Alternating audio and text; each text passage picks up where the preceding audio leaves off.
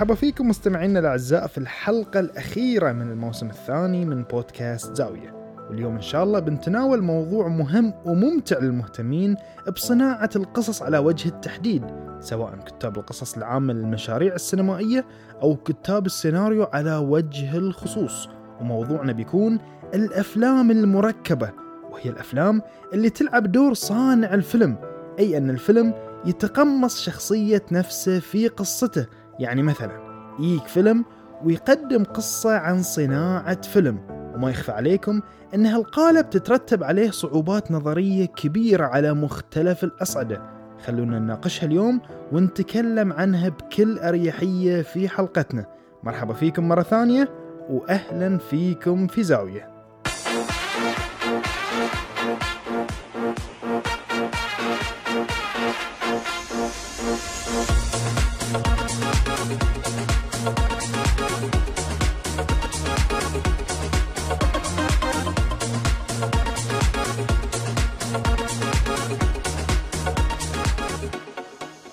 الكاتب والسيناريست الكبير تشارلي كوفمان في 2006 التقى صحفيين من صحيفة الجارديان وكان محور هاللقاء موضوع ذكي للغاية وهو كيفية جذب المشاهد لقصص رديئة أو عادية وتحويلها إلى أعمال تلقى الإعجاب والإشادة.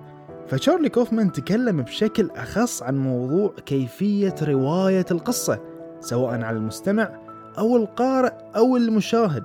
فقال إن مثل ما عندنا قصص وايد جميلة ولكن روايتها مع الأسف تكون سيئة فعلى النقيض عندنا كذلك قصص سيئة جدا ولكن روايتها على الجمهور هي اللي كانت ذكية. والقصد بالكلام مو بربط هاللقاء بموضوع الحلقة كثر ما هو لفت نظر لأهمية القالب أثناء كتابة أي عمل. وإن مفهوم القالب ملازم للرواية الذكية للقصة بحيث أن تصور هذه الرواية الإبداعية مستحيل يقع في ذهن الإنسان من دون وجود قالب يحتضنها ويقدمها للجمهور. ومن هني نقدر ندش في موضوع الحلقة وهو مثل ما ذكرنا الأفلام المركبة وهي اللي تقدم فكرة أو قصة مزدوجة في ثناياها. والسينما قدمت الكثير من هالأفلام في تاريخها ولما نطلع على قوالبها بنشوف مدى عبقرية كتابتها وأن الإشادة بها بعد زمن طويل مو بياي من فطرة الاشتياق للماضي في البشر بكثر ما أنها إعجاب يجب أن يكرر صداه على مدى التاريخ. وكعادة زاوية خلونا نستعرض هالأفلام ونتكلم عنها.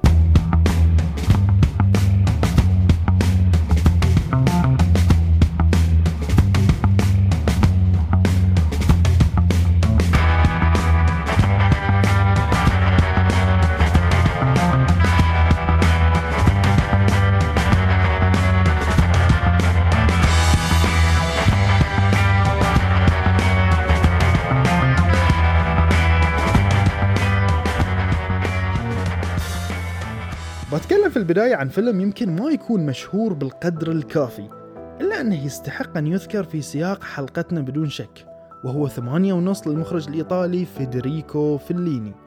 والميزة في قالب هالفيلم أن مراحل تكوينه هي اللي صارت قصته. خل أقول لكم شلون. فيليني كان من أبرز المخرجين الشباب في الخمسينيات وكان وايد نشيط لدرجة بمعدل كل سنتين كان ينزل فيلم.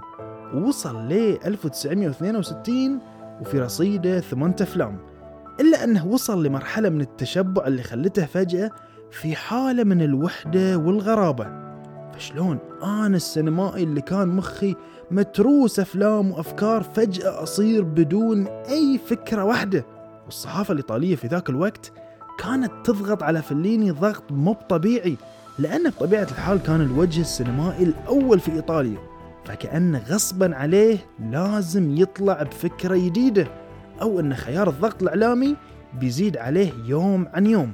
وبعد تفكير طويل قال إنزين عشان أرضيهم ليش ما أسوي فيلم عن ذي كله وأضمه حق سلسلة أفلامي؟ وكل عناصر الفيلم اوريدي موجودة في بداية وفي صراع وفي معالجة وفي خاتمة. ودام إني وصلت الحين حق ثمان أفلام في مسيرتي هالفيلم بيكون ثمانية ونص. فالذكي والغريب في هالفيلم إنه استمد فكرة قصته من نفسه أو نفس ما نقول من صناعته. فالفيلم يبتدي من المراحل الأولى من الضغط اللي عاناه فليني من الجمهور والأصدقاء والصحافة وحتى أقرب الناس اللي حوله واللي كانوا يسألونه باستمرار. آه متى فيلمك الجاي؟ وهاي الصراع اللي كان يقصده فليني. وفيه مجموعة من المشاهد الرمزية الذكية والجميلة جدا. لحد ما ينتهي الفيلم بصناعة نفسه لأن المراحل الختامية من الفيلم هي اللي صنعت العمل السينمائي اللي نعرفه اليوم باسم ثمانية ونص. فلما تشوف الفيلم كفيلم مستقل عن أي معرفة سابقة بتحسه فيلم جميل ورائع جدا في صراعاته. فليني يقدم لك شخصية بطل مذهلة لأنه كان يشوف نفسه فيها ويبنيها على تحولات واقعية كانت تصير له شخصيا وهاي اللي ساعده في بنائها دراميا. كأن الفيلم كان مرآة لشخصيته فكان يعبر فيه بكل ما يخطر في باله من أفكار فكفيلم مستقل هو رائع جدا. ولكن ولكن لما تحيط بكل حيثيات الفيلم وتسلسل حياة فليني السينمائية وتاريخه وبعدين تعكس كل هالمعطيات على هالفيلم كأنك تكتشفه من جديد. وهاي يذكرني في عبارة غريبة قالها برتراند راسل في كتابه في مديح الكسل. يقول من رحم الفراغ أحيانا تطلع العبقرية. ومثال على ذلك فيلم فليني. فثمانية ونص فيلم عن صناعة فيلم. أو نقدر نقول بتعبير حلقتنا اليوم إنه فيلم داخل فيلم.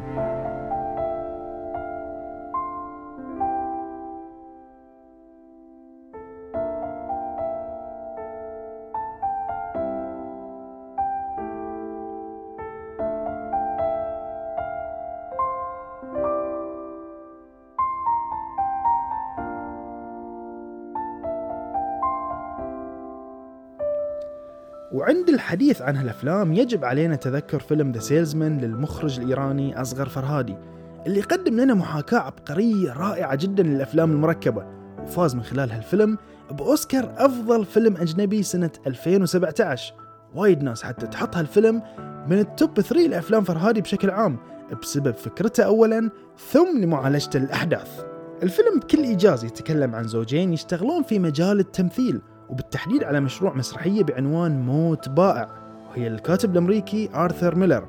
هالزوجين ينتقلون حق شقة ثانية بسبب تصدع شقتهم السابقة وخلال رحلتهم يعيشون العديد من اللحظات الزوجية المشتركة في الحياة بمشاكلها ومنعطفاتها. أدري ممكن سمعتوا القصة وقلتوا وزين شنو الجديد اللي قدمه هالفيلم في قصته واللي يخليه بحسب اعتبارك بين قوسين فكرة ذكية؟ الفيلم يمشي على خطين متوازيين. وفوق ذي يربط بينهم. خط قصة الفيلم نفسه والخط الثاني هو خط المسرحية. فأنت شوي تشوف مشهد من الفيلم وشوي مشهد من المسرحية اللي داخل الفيلم.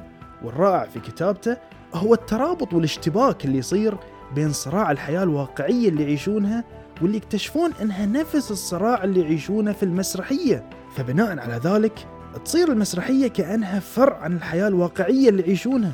واللي أحيانا تتحفظ كل شخصية عن التعبير بحرية عن مشاعرها إلا أنها في المسرحية تنفجر وتعبر بكل أريحية وصراحة عن اللي تمر فيه بحياتها. وهذا الجانب المتناقض هو المبهر في كتابة الفيلم أن بدال لأحداث الفيلم تكون هي الواقعية نشوف أن أحداث المسرحية هي اللي قاعدة تصير واقعية.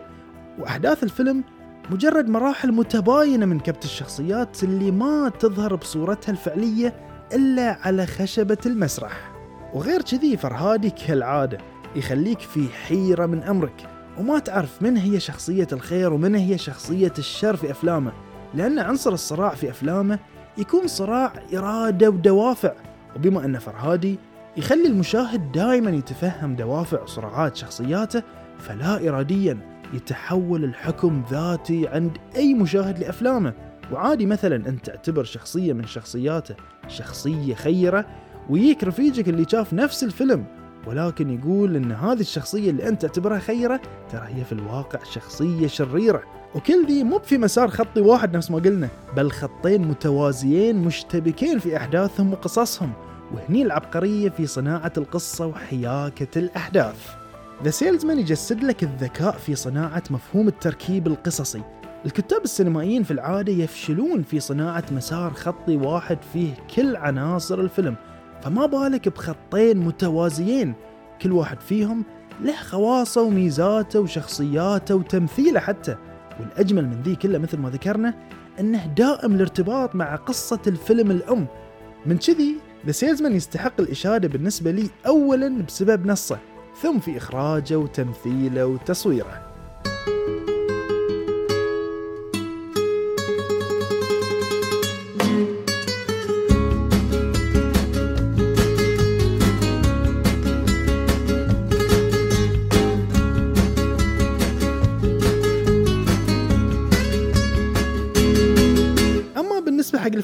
الثالث اللي بتكلم عنه اليوم فهو فاز بأوسكار أفضل فيلم سنة 2015 وهو المخرج المكسيكي أليخاندرو غونزاليس. هالفيلم تنطلق فكرته من جملة قالها غونزاليس في أول عرض حق الفيلم. قال طالما أن الكثير من محطات الإنسان في الحياة تحدث بطريقة تلقائية وعفوية فليش ما ننقل هذه الفكرة إلى عالم السينما؟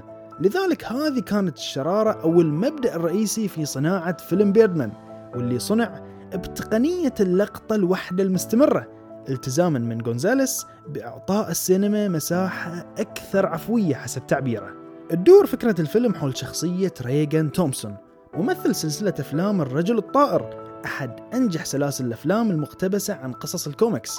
وعقب 20 سنة من التوقف عن تمثيل الأفلام قرر ريغان في لحظة متأخرة من حياته تقديم مسرحية درامية مقتبسة عن قصة قصيرة للشاعر الأمريكي الراحل ريموند كارفر بعنوان ماذا نتحدث عنه عندما نتحدث عن الحب? وفجأة نصير أمام نفس concept فيلم The Salesman لما نشوف كمية من التقاطعات اللي تصير بين المسرحية هذه وأحداث الفيلم نفسه. الفيلم يخليك أمام شخصية صعبة جدا جدا جدا. شخصية خارجة للتو من عصر ما بعد الألفية. أمام انفجار الشبكات الاجتماعية والتقلبات الهائلة في هوليوود وحتى صراع الأجيال على الصعيد المهني والفني والاجتماعي.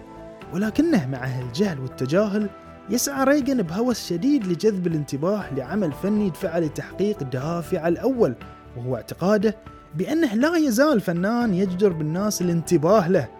ومن خلال هالدفاع المجنون عن النفس تشوف شلون شخصية ريغن قاعدة تتجه تدريجيا نحو الغرابة والجنون. أولا في المسرحية اللي يمثلها وثانيا في الحياة الواقعية اللي يعيشها.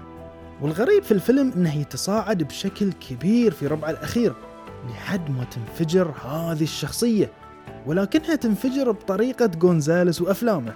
فتشوف شلون يختلط الواقع بالسريالية إلى حد دمج الواقع بالأحلام المتخيلة.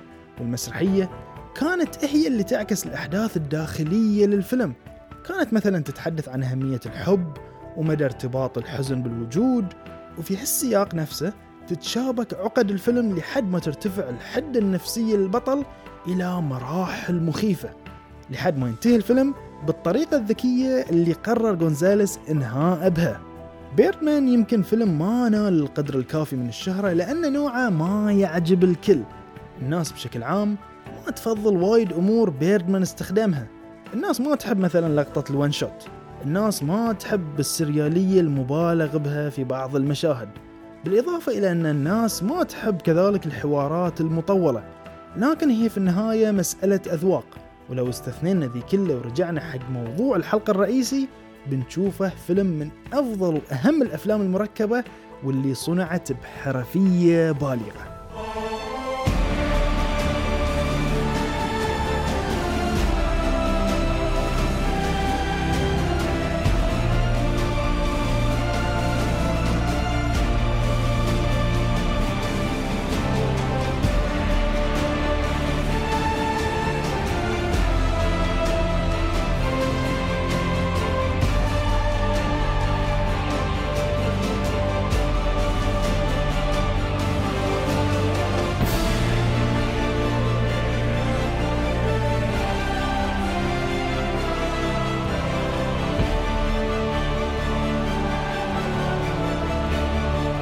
المشكلة في صياغة الأفلام اللي من هالنوعية أنها تضاعف عليك الجهد في صناعة أي شيء. فبدال لا تكتب شخصية راح تكتب بالضرورة شخصيتين. وبدال لا تضمن صراع واحد في فيلمك بتضمن بالضرورة صراعين. ومو بس كذي بتكون ككاتب ملزم إنك تخلق حالة انفصال وحالة ربط في نفس الوقت. أي أنك تفصل بين الفيلم الفرعي والفيلم الأصلي في نفس الوقت اللي يجب عليك تعقد فيه حالة تشابك بين العالمين. نفس عالم الكوانتم ونظرية أينشتاين وروزن وبودولسكي. أي أن ما في أي مانع من ارتباط عالمين منفصلين وكل واحد فيهم يأثر في الثاني بشكل مستمر. هالمبدأ بالضبط نفس مبدأ الأفلام المركبة. وهالأفلام مع الأسف جزء مهمل من إبداعات السينما. وهو في النهاية قالب يعني مهما بلغت صعوبته وهيئته التركيبية وتعقيده لكنه مفتاح مهم يقدر يفتح لك أبواب ناجحة جدا في رواية القصة. وخلونا نرجع لتشارلي كوفمان لما قال إن السيناريست إنسان محظوظ جدا لأن الوحيد اللي عنده الإمكانية إنه يحول أي قصة سيئة إلى قصة عظيمة. وهذه قيمة القوالب السينمائية فهي مو بس أدوات وإنما سبل وطرق تجاه النجاح والإدهاش.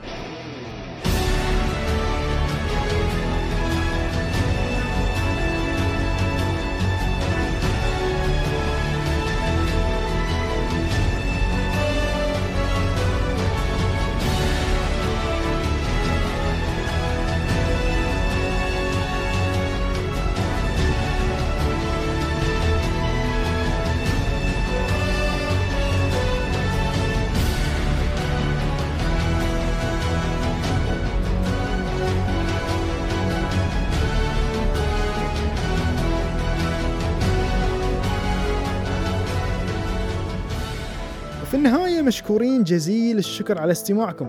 مشكورين على وقتكم ونتمنى حازت الحلقة على إعجابكم وكانت عند تطلعاتكم. ونوصل بكذي إلى نهاية الموسم. كان موسم سريع جدا بالنسبة لي. موسم تطرقنا فيه للعديد والعديد من المواضيع السينمائية اللي نأمل إن شاء الله أنها حازت على إعجابكم. شكرا لكم نيابة عن كل فريق زاوية. من الإنتاج عبد الرحمن رميحي ومن الإخراج عبد الله الشوملي ومن الإعداد والتقديم حسن خالد. صح البودكاست بيوقف فترة قبل العودة في الموسم الثالث ولكن تابعونا على حسابنا في إنستغرام @زاوية dot podcast عشان تكونون على update بكل فقرة سينمائية نخليها. بناخذ break بسيط من البودكاست وبنرجع إن شاء الله بموسم أقوى وأقوى. تحية خاصة ختامية استثنائية للجميع. سلام.